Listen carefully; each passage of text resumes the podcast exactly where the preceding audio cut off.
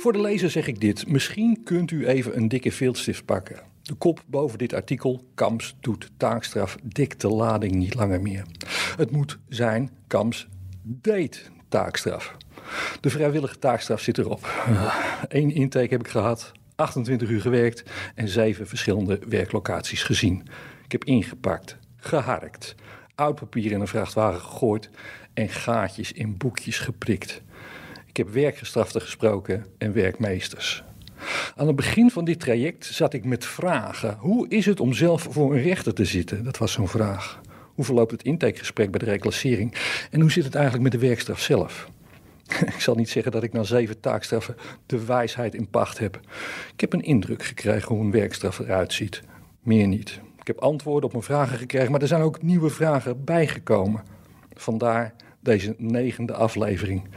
Noem het voor mij part Kams vraagt door. Judith, Linda en Nico zijn mijn gesprekspartners voor vandaag. Ze zijn projectbeheerders van Reclassering Nederland. Bestaat er zoiets als een eindgesprek voor werkgestraften? Begin ik als oud werkstraffer het gesprek? Ja, vroeger wel, zegt Linda. Nu vindt dat plaats op de locatie zelf. En iedereen pakt dat anders op. Ze krijgen natuurlijk een handje als ze weggaan en worden bedankt voor hun inzet.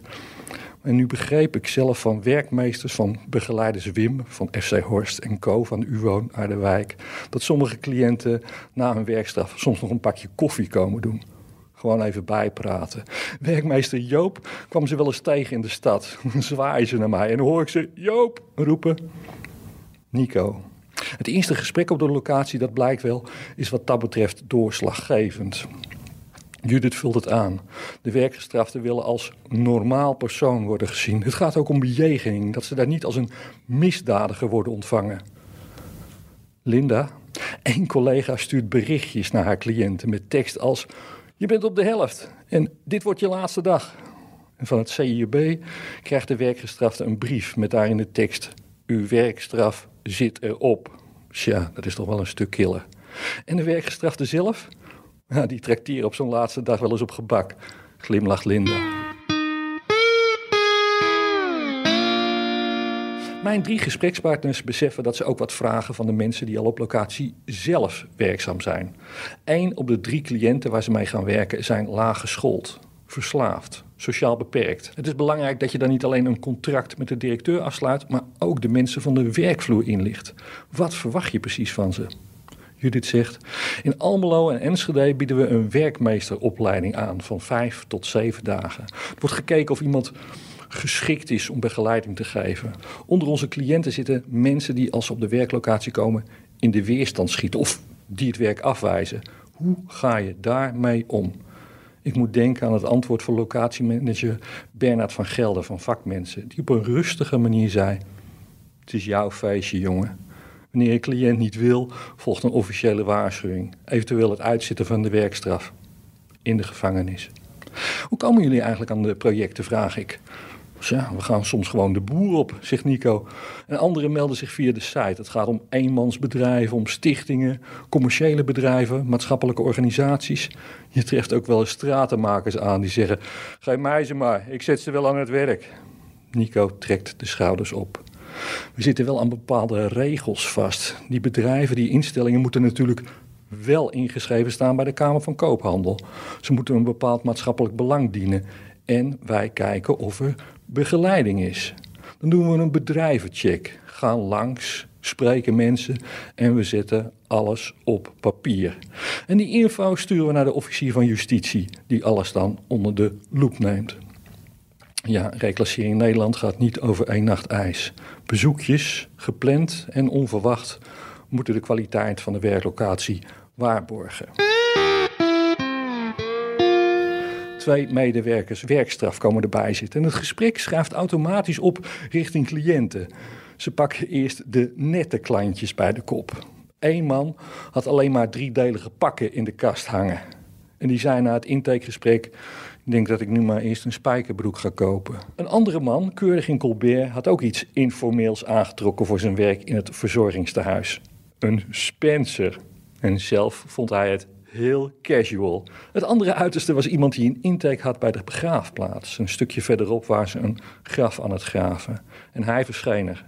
In korte broek, slippers eronder. Sigaret tussen de lippen om het plaatje af te maken. We gingen naar binnen en hij flikkert die peuk op de grond. En toen heb ik gezegd dat hij die gewoon in het bakje voor de peuken kon doen. En dan leg je hem uit dat dit prima kleding is voor in je vrije tijd. Iets wat echt heel uitstekend bij dit warme weer past. En dan maak je het beeldend. Dat er hier mensen komen om afscheid te nemen van een geliefde.